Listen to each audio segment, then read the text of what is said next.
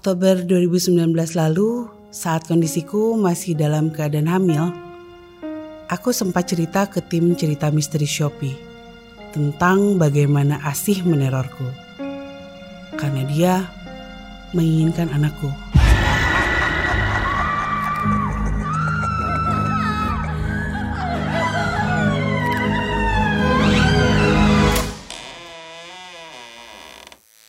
Kini, setelah Ari lahir, cerita itu berlanjut.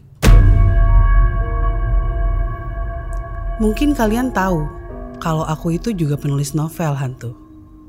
Tapi nggak banyak yang tahu kalau dalam mencari bahan untuk novel, aku harus bertatap muka dengan hantu. Aku nggak mengira kalau ini adalah awal sebuah tragedi yang akan mengganggu kehidupan anakku. Awal tragedi yang diawali dengan pertemuanku dengan Mamat dan Ujang. Mereka itu hantu baik sih. Rencananya aku ingin menulis cerita tentang hidup mereka. Aku panggil Mamat dan Ujang ke rumah. Mereka bercerita sambil aku catat. Di sela-sela nulis, tiba-tiba anakku nangis. Saat itu aku langsung samperin anakku. Pas aku gendong, mata anakku, Ari, langsung melihat ke arah Mamat dan Ujang. Dan Ari langsung nangis histeris. Di situ aku mulai sadar bahwa anak ini berbeda. Ari nunjukin betapa peka penglihatannya terhadap makhluk-makhluk yang kita sebut hantu. Besoknya aku pindah ke tempat lain bersama Mamat dan Ujang. Di kafe yang jauh dari rumah dan lumayan sepi. Setelah cerita Mamat selesai, aku beralih ke ceritanya Ujang. Di situ aku kaget karena Ujang menceritakan hal yang lumayan baru untukku. Ada sosok perempuan yang sangat dia cintai yang ternyata bunuh diri. Nama perempuan itu Purwasih. Ujang memanggilnya dengan nama Asih. Aku sempat berpikir, apakah ini Asih yang sama dengan yang selama ini meneror aku? Tapi ternyata dia bercerita tentang Asih yang berbeda. Namun masalahnya, selama ini tuh aku benar-benar menghindari nama Asih karena dia adalah hantu yang menyeramkan yang bikin aku trauma bahkan sampai sekarang. Aku mencoba ngelupain dia. Tapi karena Ujang terus-terusan nyebut nama Asih, nama itu jadi terbesit dan nempel lagi di pikiran aku. Biasanya ketika kita memikirkan nama itu, otomatis dia akan terpanggil. Setelah aku pulang ke rumah, aku duduk di sofa, mencerna semua cerita yang tadi aku dengar dari Mamat dan Ujang, sambil terus-terusan mikirin nama Asih. Nggak tahu, entah kenapa tiba-tiba bulu kuduku berdiri ketika nama itu aku ingat lagi. Aduh, kok perasaan aku nggak enak ya? Kemudian, tanpa peringatan, sosok itu muncul kembali. Asih. Aku melihat dia terbang, melayang dari pintu luar yang terbuka menuju kamar Ari. Aku bingung harus ngapain. Karena biasanya kalau ketemu Asih, yang aku lakukan itu lari, kabur, atau telepon kakekku. Tapi saat itu Nggak tahu, aku kayak punya keberanian lebih. Aku kejar dia. Aku kejar dia. Aku kejar dia tuh sampai ke kamar anakku. Mungkin ya karena ini menyangkut nyawa anakku.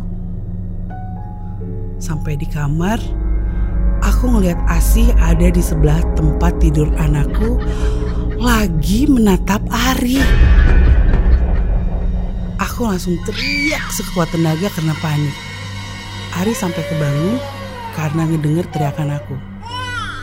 Ari ngebuka matanya, ngeliat Asih, dan langsung teriak histeris. Naluri kejuanku langsung muncul ngalahin rasa takut. Aku langsung ambil dan gendong Ari.